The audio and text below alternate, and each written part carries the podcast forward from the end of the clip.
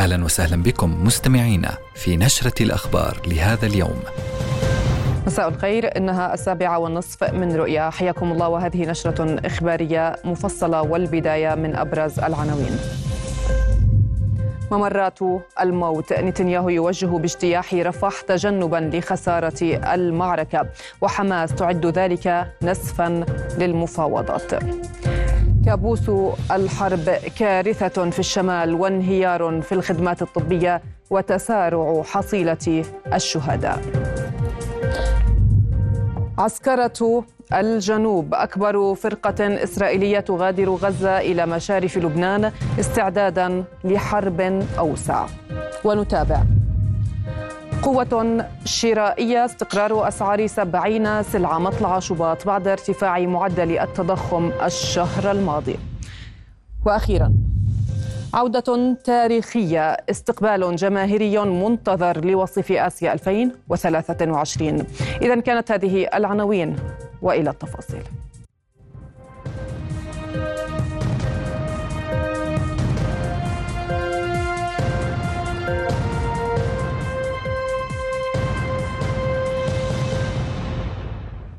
أهلا بكم.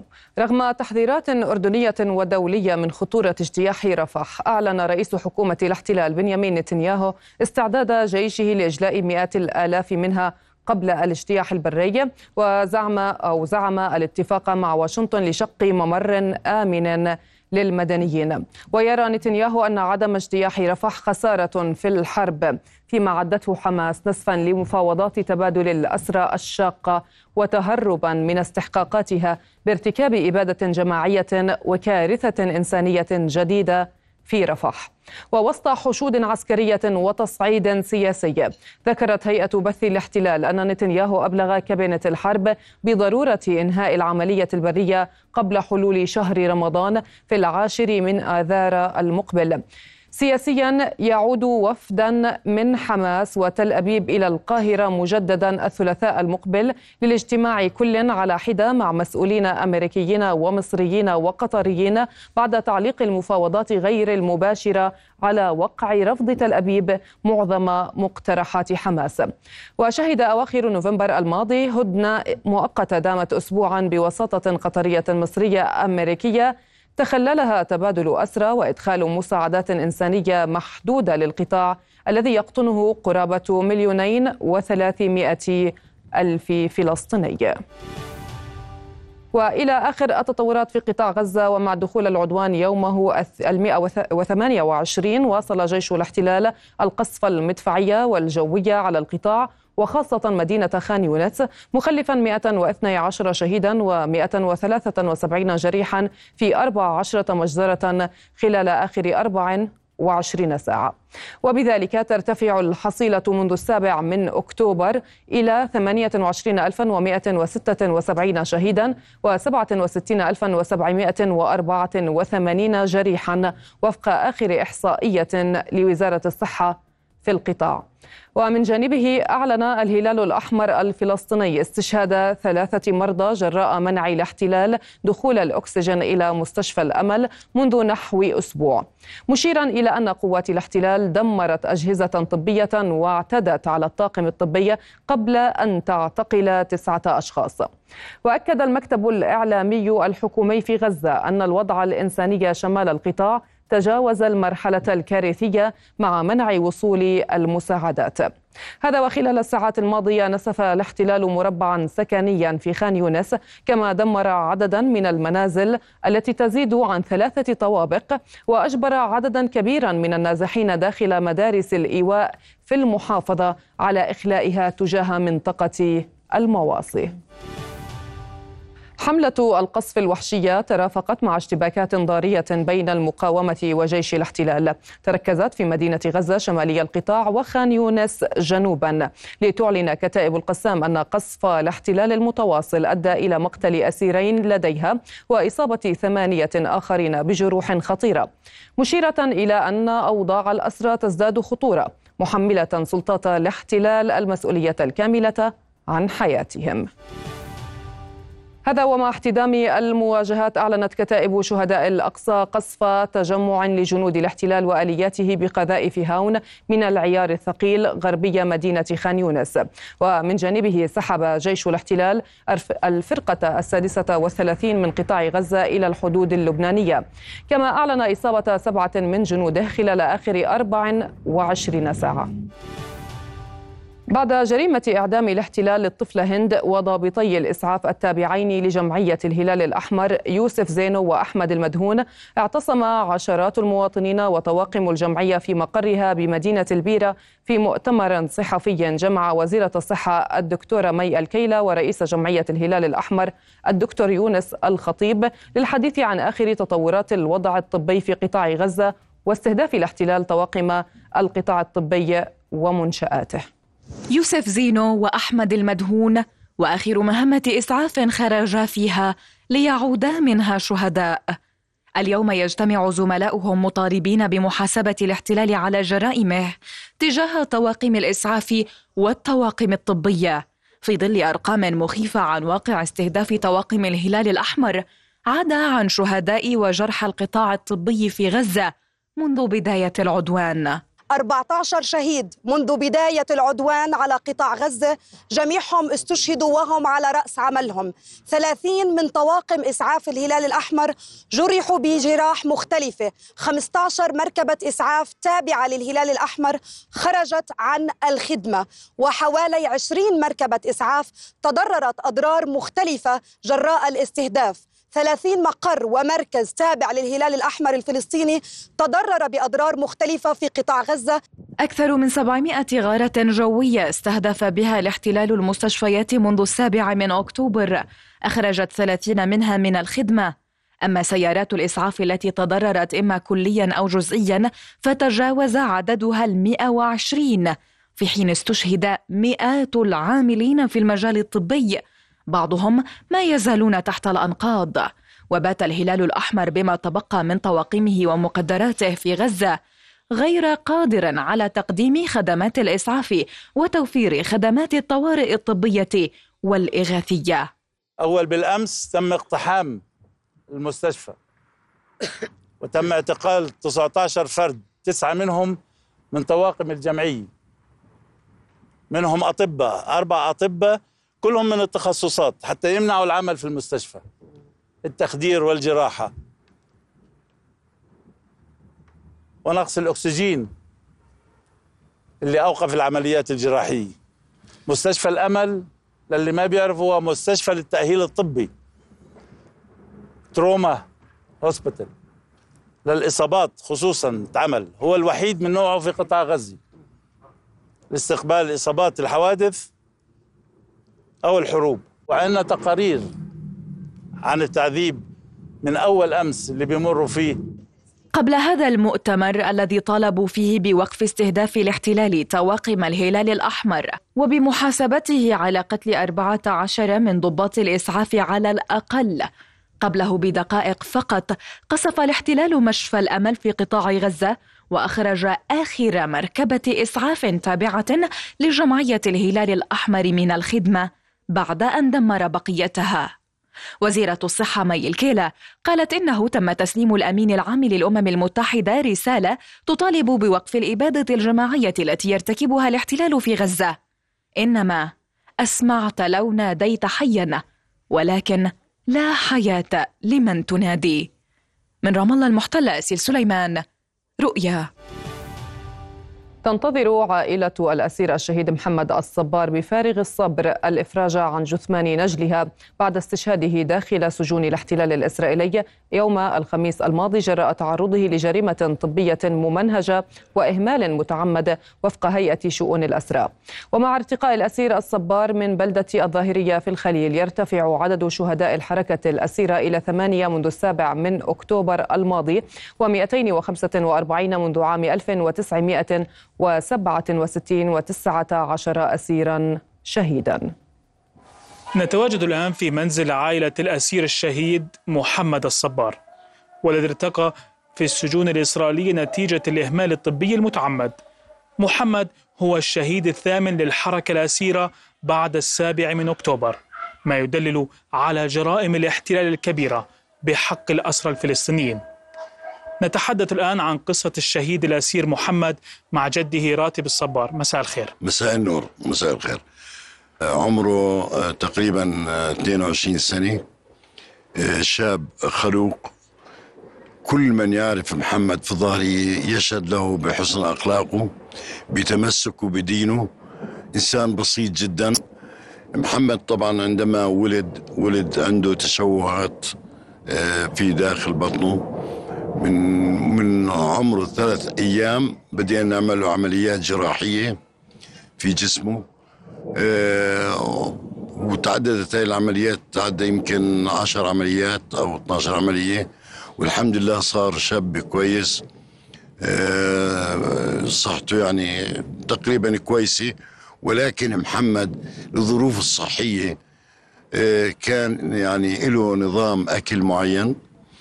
فاحنا لما فقدنا محمد مش بس أنا فقدته ولا ابوه ولا أمه كل من يعرف محمد فقد محمد.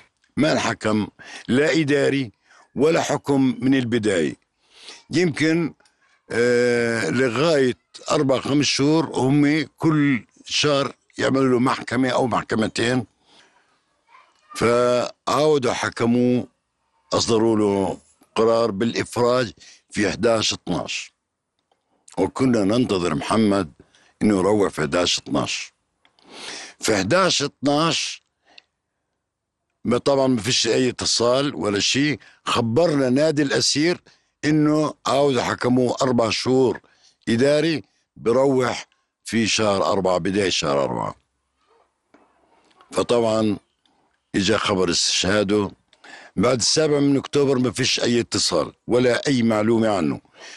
إلا خبر استشهاده. جانا سمعنا أخبار إنه تعبان كتير ومش عارف إيش وبدنا نشوف إذا عندك خبر. قلت له لا ما عنديش خبر.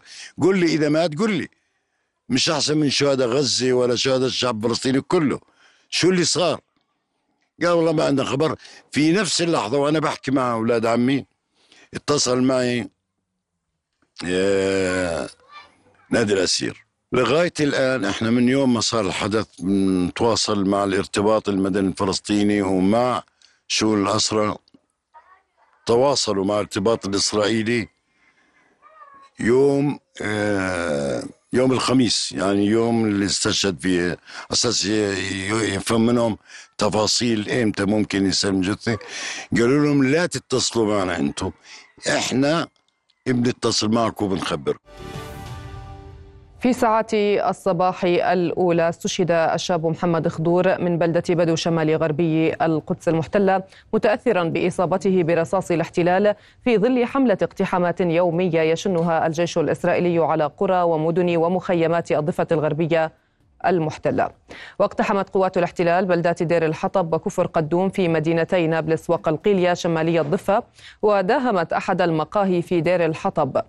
من جانبه أعلن نادي الأسير الفلسطيني اعتقال الاحتلال 12 فلسطينيا في الضفة الغربية وسط عملية تنكيل وتعذيب لترتفع حصيلة معتقلي الضفة إلى 6950 معتقلا منذ السابع من أكتوبر تشرين الأول الماضي.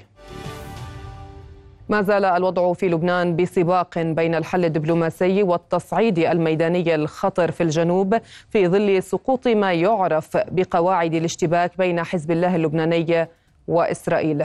وبموازاة حرب الاغتيالات التي تستهدف العديد من قادة الحزب في عمق البلدات الجنوبية أعلنت إذاعة جيش الاحتلال نقل واحدة من أكبر الفرق العسكرية من قطاع غزة إلى مشارف الحدود اللبنانية. والفرقة السادسة والثلاثون تتكون من وحدات مناورة مدرعات وسلاح المشاة وتشمل اللواء 188 واللواء السابع ولواء جولاني ولواء عطسيوني وكتائب سلاح الهندسة. وعلى الصعيد الميداني تجدد قصف الاحتلال على البلدات الجنوبية واستهدف بالمدفعية بلدة كفركلا الحدودية وسجلت غارة إسرائيلية على ضواحي بلدة حولة. في المقابل أعلن حزب الله في بيان له استهداف تجهيزات تجسسية في موقع رويسات العلم في تلال كفر شوبة ومزارع شبع المحتلة بالأسلحة المناسبة محققا إصابات مباشرة.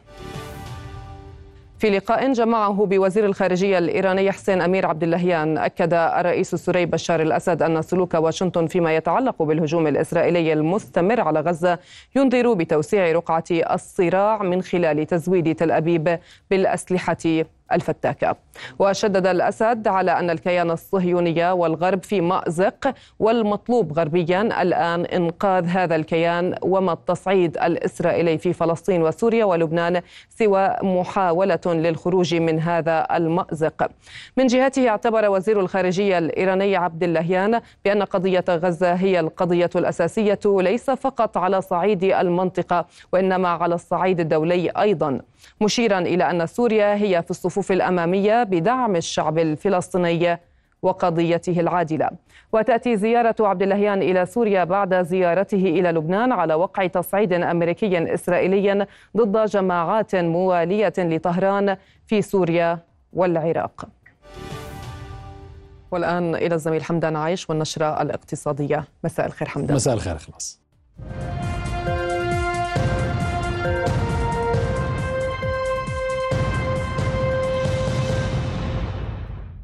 أهلا بكم. سجل الشهر الأول من العام الحالي ارتفاعا في معدل التضخم بنسبة 2% تقريبا مقارنة مع ذات الشهر من العام الماضي بحسب تقرير دائرة الإحصاءات العامة. وأسهمت مجموعة المياه والصرف الصحي في ارتفاع معدل التضخم بنسبة 7.5% والأمتعة الشخصية بنسبة 5.9% والخضروات والبقول الجافة والمعلبة بنسبة 5.8% والمساهمة في النقابات بنسبة 5.8% واللحوم والدواجن بنسبة 5.5% تقريبا. في حين ساهم في الحد من هذا الارتفاع مجموعة الوقود والإنارة بنسبة 1.7% والمنسوجات البيتية بنسبة 1.4% والثقافة والترفيه بنسبة 1% والملابس بنسبة 66% رصدت وزارة الصناعة والتجارة والتموين استقرار أسعار 70 سلعة في الأسبوع الأول من شهر شباط الجاري بحسب ما أعلن عنه وزير الصناعة والتجارة يوسف الشمالي خلال جلسة لمجلس الوزراء. الوزير قال خلال الاجتماع إن فرق الرقابة رصدت انخفاض عشر سلع وارتفاع عشر سلع أخرى بنسب تتراوح ما بين ثلاثة إلى خمسة في المئة وكشف أن فرق الرقابة حررت 107 مخالفات في الأسواق التموينية. وجدد الوزير التأكيد على أن مخزون المملكة من السلع الأساسية آمن ويكفي لمدد الكفاية الآمنة وأن حركة الشحن تسير بانتظام ووفق المعتاد. كما أكد أن التزام المؤسستين الاستهلاكيتين المدنية والعسكرية بالبيع وفق الأسعار الحالية إلى ما بعد انتهاء شهر رمضان المبارك.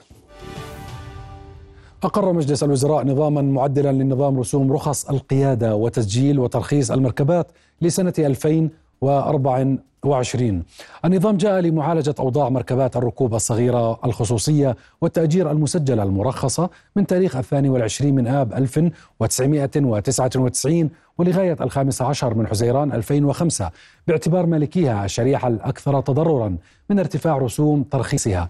كما جاء النظام المعدل لغاية تسهيل عملية تجديد ترخيص هذه المركبات ما ينعكس على انتظام ترخيصها. أكد رئيس الوزراء الدكتور بشر الخصاوني خلال اجتماع مع رئيس مجموعة البنك الدولي إيجيا بانجا أهمية دعم البنك لجهود الحكومة في المرحلة المقبلة لتحقيق التعافي الاقتصادي وتعزيز النمو المستدام. وأكد الخصاوني إلى تطلع الأردن لمواصلة دعم البنك الدولي للعديد من المشروعات في القطاعات ذات الأولوية ومنها ريادة الأعمال والتعليم والنقل والمياه وتكنولوجيا المعلومات. بدوره أشاد رئيس مجموعة البنك الدولي بالإصلاحات التي ينفذها الأردن في المجالات كافة لافتا إلى أهمية التركيز على دعم ريادة الأعمال والشركات الناشئة وتوفير فرص العمل للشباب والنساء وأكد استعداد البنك للتعاون مع الأردن لتجاوز التحديات الاقتصادية التي تواجهه لا سيما في ظل التباطؤ الذي تشهده الاقتصادات العالمية. بحث رجال أعمال أردنيون وهنود فرص الاستثمار والتجارة المتاحة بين الأردن ومختلف ولايات الهند في إطار المساعي لزيادة الشراكة الاقتصادية بين البلدين. رئيس جمعية رجال الأعمال حمد الطباع قال إن الشراكات التجارية والاستثمارية بين مجتمعي الأعمال من كلا الجانبين في تطور مستمر لافتا إلى وجود فرص للتعاون في مجال الزراعة وتشجيع السياحة بين البلدين وبلغ حجم التبادل التجاري البيني ما يقارب أربعة مليارات ونصف المليار دولار العام الماضي فيما يبلغ حجم الاستثمارات الهندية في قطاعي الفوسفات والنسيج في الأردن نحو نصف مليار ونصف المليار دولار إضافة إلى 860 مليون دولار لإنتاج حمض الفوسفوريك ومن أبرز السلع المستوردة من الهند مواد غذائية وسلع ميكانيكية وكهربائية ومنتجات هندسية وأحجار كريمة ومجوهرات فضلا. عن منتجات نفطية وجلود. استثمارات في في في الأردن بحدود مليار 700 ألف. طبعا شركة الفوسفات قد تكون هي الشريك الأساسي مع الجانب الهندي لكن أكيد في عندنا إمكانيات أن نتوسع في قطاعات جديدة وخاصة في الثروة الحيوانية والزراعة والمواد الغذائية على سبيل المثال. كما أن السلع الميكانيكية أصبحت معروفة في في الأردن. المشاريع الهندية حقيقة تدعم الاقتصاد الأردني كما ذكرت في موضوع الأسمدة وهناك شراكات أردنية هندية آه، في موضوع الأسمدة. أكدت مديرة صندوق النقد الدولي أن الاقتصاد الأردني أظهر أداء جيدا ونجح في الحفاظ على أرقام التضخم منخفضة مقارنة مع الدول المحيطة رغم الصدمات الدائرة حوله. وخلال لقاء صحفي على هامش المنتدى المالي العربي الثامن في دبي قالت إن كلفة الدين العام للأردن ارتفعت بعد عدوان الاحتلال على قطاع غزة مؤكدة أن الاقتصاد الأردني يجب أن يكون قويا لوضع الدين العام على مسار تنازلي ثابت بنسبة 80% بحلول عام 2027 ودعت إلى زيادة كفاءة تحصيل الإيرادات لتقليل الدين العام مشيدة بمنهجية الحكومة في تحصيل الإيرادات المالية واتباع الأساليب الحديثة في تحصيل الضرائب.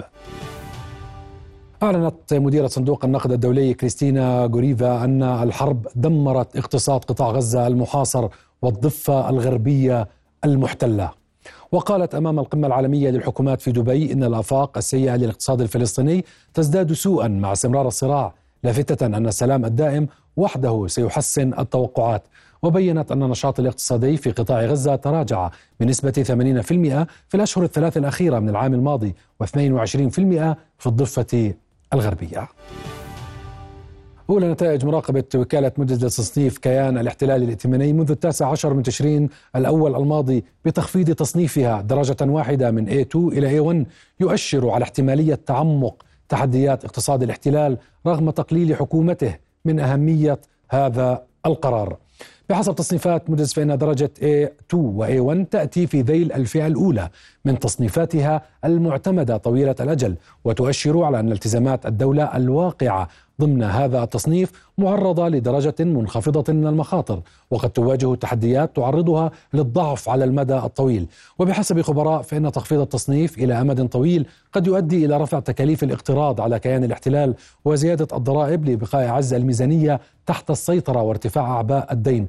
الوكالة لم, الوكالة لم تكتفي في تخفيض تصنيف كيان الاحتلال الائتماني بسبب استمرار العدوان على غزة وتكلفتها المرتفعة على اقتصادها ومخاطره السياسية، لكنها أبقت على احتمالية تخفيض تصنيفها مرة جديدة مستقبلا إذا ما استمر العدوان. محافظ بنك كيان الاحتلال المركزي رد قائلا إن اقتصاد الكيان قوي وسيتعافى من تأثيرات الحرب، لكنه دعا الحكومة إلى معالجة القضايا التي أثارتها وكالة موديس. إلى هنا نصل لنهاية أخبار الاقتصاد. عودة إليك إخلاص. شكرا حمدان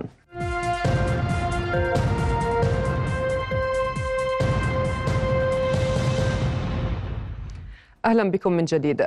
أدانت وزارة الخارجية وشؤون المغتربين الهجوم الإرهابي الذي استهدف قاعدة غوردون في جمهورية الصومال الفيدرالية وأسفر عن مقتل ثلاثة من منتسبي القوات المسلحة الإماراتية وضابط من قوة دفاع البحرين وإصابة آخرين أثناء عملهم في تدريب وتأهيل القوات المسلحة. الصومالية.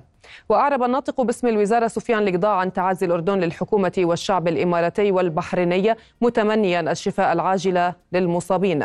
كما أكد لقضاء تضامن المملكة مع جمهورية الصومال وإدانتها واستنكارها الشديدين لمختلف أشكال العنف والإرهاب. تنفيذا لخطة تحديث القطاع العام والتوجه لدمج وزارتي التعليم العالي والتعليم العالي والبحث العلمي بوزارة جديدة تحمل اسم التربية والموارد البشرية. أطلقت وزارة التعليم العالي والبحث العلمي ملتقى التعليم العالي لعام 2024 ويبحث الملتقى الذي احتضنته الجامعة الأردنية أربعة محاور رئيسة هي محور الحاكمية ومحور التمويل ومحور سياسات القبول الجامعي بالإضافة محور البحث العلمي.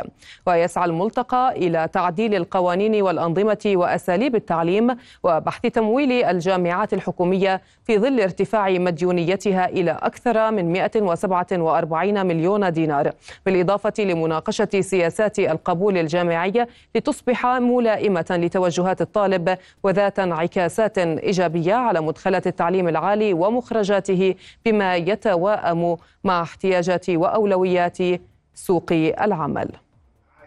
هنالك نقاط جوهرية بحثت في هذا المحور تتعلق بالتحول من من التعليم إلى التعلم ومن البحث العلمي إلى آه، الابتكار والإبداع والتحول من خدمة المجتمع إلى آه، الاندماج مع المجتمع، نحن نعلم أن هنالك بعض الجامعات تعاني من صعوبات مالية، هذه الصعوبات أسبابها واضحة لعدم وجود أي تغيير على الرسوم الجامعية رغم الارتفاع المستمر في النفقات لجميع الجامعات. وهنا لابد من الإشارة إلى وجود دعم حكومي بلغ 70 مليون وقد تم زيادته إلى 75 مليون في هذا العام ولكنه غير كافي التغيير في الثانوية العامة الآن من عام 2016 وبحيث أصبح أصبحت الثانوية العامة على عامين يتخصص الطالب في الصف الثاني عشر ضمن حقول مختلفة صحي وهندسي وأعمال وهذا يؤدي إلى توافق ما بين قدرات وتوجهات الطالب ويؤدي أيضا إلى انعكاس انعكاس إيجابي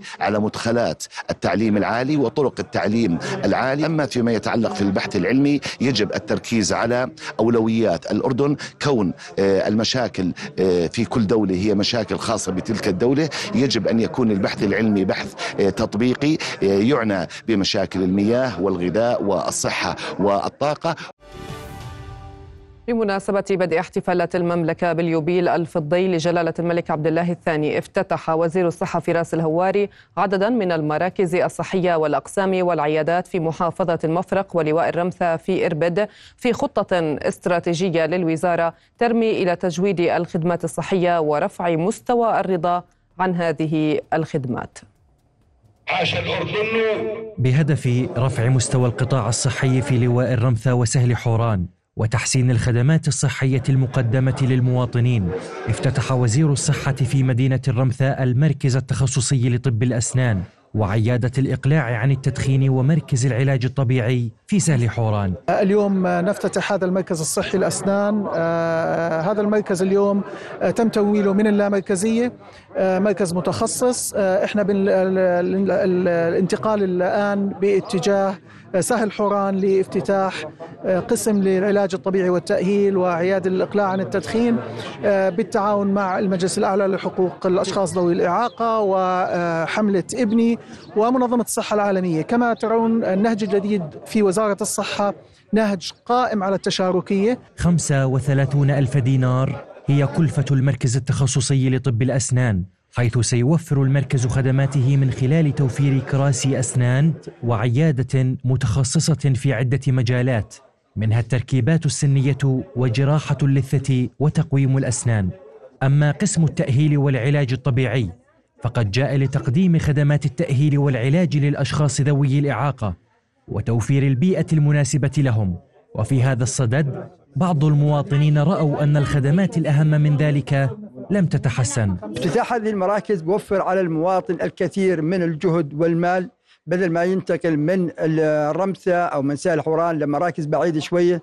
الآن لما بكون المركز متوفر وقريب له يستطيع أنه يذهب إلى المركز أو هذه المراكز بالوقت اللي, اللي بشاء فيه ومن ثم قرب هاي المراكز بتوفر عليه الجهد. للأمانة المواطن بيطمع بشيء أكثر من هيك في مطالب حقيقية للمركز. يعني خلينا نقول يعني إجماع من مواطنين سهل حوران على أنه مطلب شعبي اللي هو الفترة المسائية. يكون فيها بدنا نقول كادر تمريضي. بدناش نقول 24 ساعة الحد الادنى للساعه العاشره ليلا. آه، تتضمن طبيب دكتور آه، مع ممرض مع يعني بدنا نقول مصور آه، أشعة يعني كامل الكادر كامل. فيه مسائي طبيب وممرض لا يفي بالغرض المطلوب. ليش؟ أول شيء لما أنا بدي آجي أراجع المركز الصحي الشامل أول شيء لا بلاقي لا عيادة عفوا صيدلية لا بلاقي يعني ما فيش شيء بس عبارة عن إنه يقول لك شو أنت ويكتب لك روشتة وتروح وتروح تشتريها من برا. آمال وتطلعات من قبل المواطنين لاستكمال هذه الافتتاحات بأقسام مختلفة وزيادة الكوادر الطبية المتخصصة في إطار جهود تطوير القطاع الصحي في المملكة وتحسين جودة الخدمات المقدمة للمواطنين وتعزيز الرعاية الصحية المتميزة. فجرت المنخفضات الجوية الأخيرة والتساقط الغزير للأمطار ينابيع وعيونا للمياه بين المقاطع الصخرية الشاهقة في مختلف قرى وبلدات محافظة عجلون فضلا عن امتلاء البرك المائية وأبار تجميع المياه في موسم مطري وزراعي مبشر بإنتاج مثمر بعد عدة سنوات على جفافها تفجر عدد من الينابيع وأعين المياه في محافظة عجلون يبشر بموسم مطري زاهر. ينابيع فوارة يبشر هديرها بين الصخور بخير وفير وتوازن بيئي في أكثر محافظات المملكة اخضرارا عين أبو الجود وعين الفوار وعين التيس من أبرز مصادر المياه العذبة التي تدفقت في قمم جبال عجلون بعد أن جف معظمها بسبب شح المواسم المطرية. هذا العين عين مجلود ما فقعت من أربع سنوات هي ومجموعة من العيون الموجودة في محافظة عجلون. آه، من فضل الله هذا بدل على موسم مطري غزير ومبشر بالخير للمزارعين. آه، المكان زي ما انت شايف هو بحاجة لاهتمام أكثر. سواء من ناحية النظافة أو التأهيل بحيث يكون متاح للسياحة. طبعا هاي النبع نبع فوار. طبعا هاي النبع بنبع من عندنا من هون من الفوار وبتوزع على البلد كاملة وخارج البلد. طبعا هاي المنطقة بحاجة إلى تنظيف كاملة. أما أن السواح من عمان من إربد من جميع أنحاء المملكة حتى الخليج. من جانبها تؤكد وزارة المياه والري أن صيانة هذه الأعين يقع ضمن مسؤولية مشتركة للبلديات ومديريات الأشغال والزراعة فيما يستفيد من تدفق المياه مزارعو المنطقة وفق نظام الدور. برضو بعض الينابيع الحمد لله رب العالمين طلعت ويعني هذا بنعكس أكيد راح ينعكس أكيد على الوضع المائي في إدارة مياه عجلون أكيد راح ينعكس لأنه المياه هي طبعا راح تكون رافد مهم جدا لسد كفرنجه وإحنا بنعمل على آه، تحلية مياه سد كفرنجه وضخها لمحافظة جزء كبير من محافظة عجلون بالإضافة لأنه برضو إحنا من مصادرنا يعني من جزء من مصادرنا بيعتمد على الينابيع. في عندنا راسون والتنور والقنطرة وأم نبع ام قاسم. وهذول الحمد لله رب العالمين زادت كميتهم وبالتالي إن شاء الله نأمل إنه يكون يعني صيف إن شاء الله آه، آه، يعني لطيف إن شاء الله وصيف إن شاء الله هادي إن شاء الله. حجم الهطول المطري سجل رقما قياسيا هذا الموسم بوصوله إلى واحد وتسعين وستة أعشار بالمئة من مجمل الموسم المطري السنوي في محافظة عجلون. مما قد تخفف هذه المياه من حر الصيف المقبل وجفاف المناطق الشجرية إذا خضعت لصيانة دورية وإدارة تسهم في وقف الاعتداء عليها أو استعمالها العشوائي.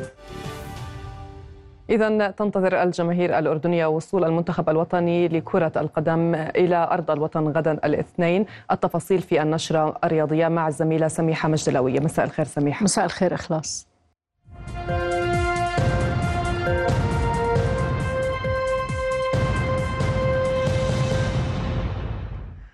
أهلا بكم. تنتظر الجماهير الأردنية وصول المنتخب الوطني لكرة القدم إلى العاصمة عمان بعد أن أنهى رحلته في كأس آسيا حيث ستحط طائرة النشامة رحالها عصر غد الاثنين.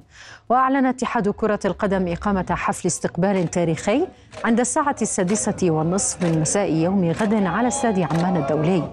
ومن المتوقع أن يحظى منتخب النشامة باستقبال تاريخي بعد أن وصل لنهائي البطولة الأكبر على مستوى القارة للمرة الأولى في إنجاز فاق توقعات الجماهير وأثبت تطور الكرة الأردنية.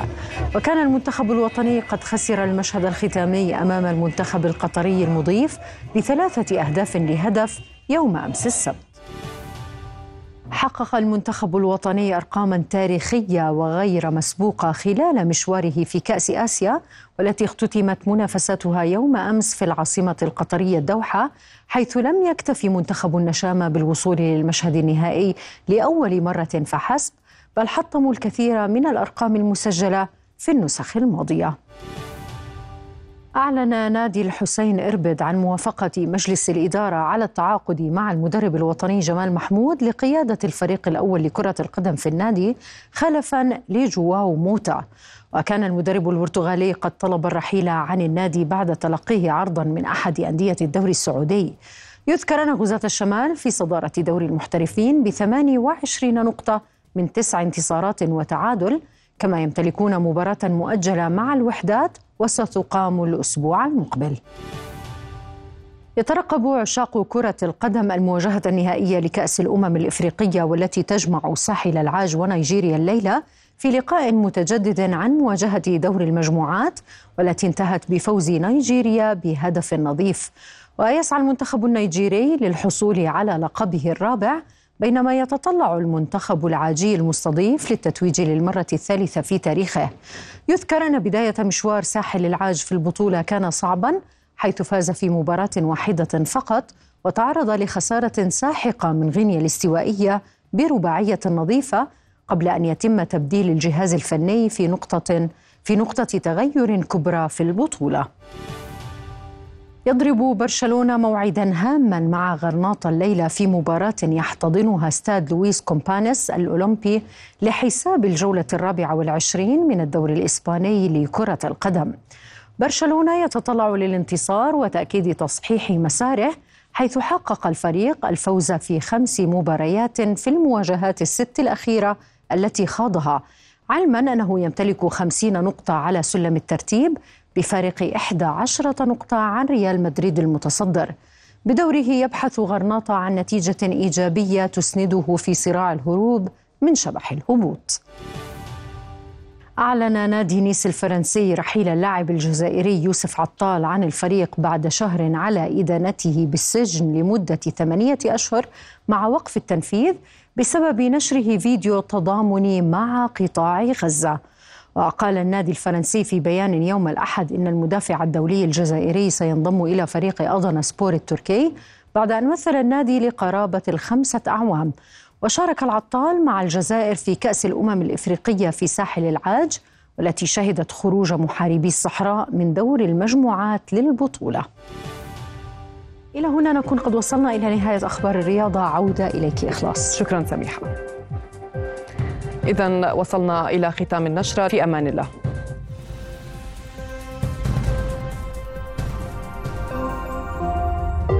رؤيا بودكاست.